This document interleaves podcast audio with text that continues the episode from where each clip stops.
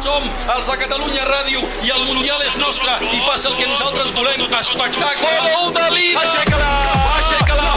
Fixa, però com corre tu moto! Univers MotoGP. Però que animal és el champion! La champion!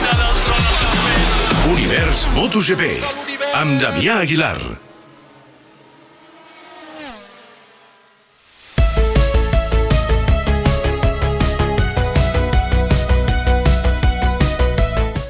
Pecco Bagnaia fa una pol de rècord a Motorland que per Jack Miller i Fabio Quartararo era inabastable, però fan almenys primera fila. Marc Márquez, Jorge Martín i Aleix Espargaró entren en la lluita des de la segona fila i algú més amb ganes? Doncs sí, Joan Mir des de la tercera fila. Univers MotoGP. Us deixo escoltar el que m'explicava Jorge Martín després de la Q2 sobre les seves opcions, les dels veïns i l'elecció dels pneumàtics. Bueno, va a ser una carrera muy complicada, vemos Ducati muy muy fuerte, pero claro, al pelear con las mismas armas es más complicado siempre. Eh, pero en cuanto a ritmo creo que estoy bastante bien, será difícil elegir la goma de carrera, eso es- tenemos traseras tres opciones diría y el- de adelante dos, o sea que va a ser muy complicado. Pero me veo bien con opciones, no tanto de la victoria, pero sí, sí de podium, un top 5, creo que es algo lógico. Y, y nada, con ganas de pelear, somos 5 o 6 pilotos competitivos y, y espero, espero aguantar hasta el final y aprender. Aparte de ti, ¿cuáles son esos otros 5 o 6?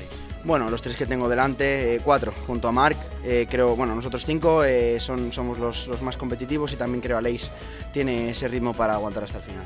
Es una carrera interesante esta, ¿no? Ver marcas diferentes otra vez ahí.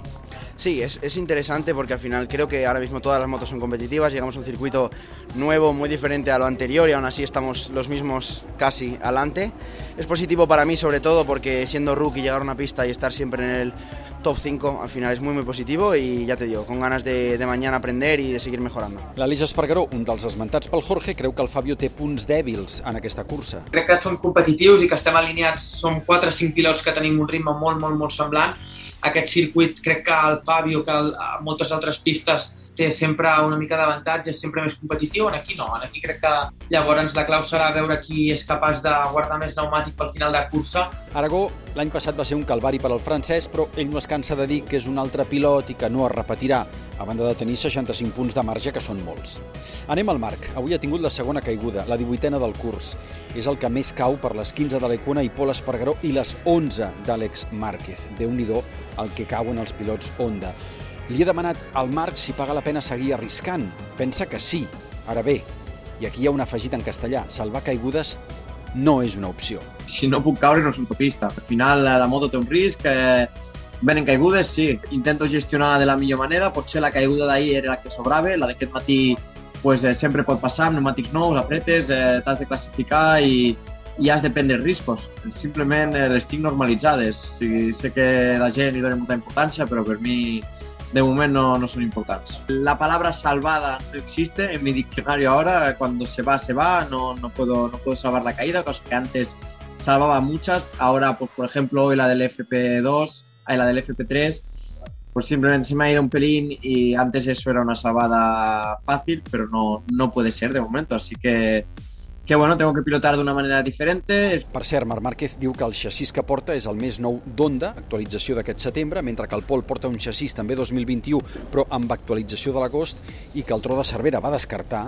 mentre que Àlex Márquez porta un xassís 2021 amb peces 2020 i Nakagami no m'han volgut dir què porta.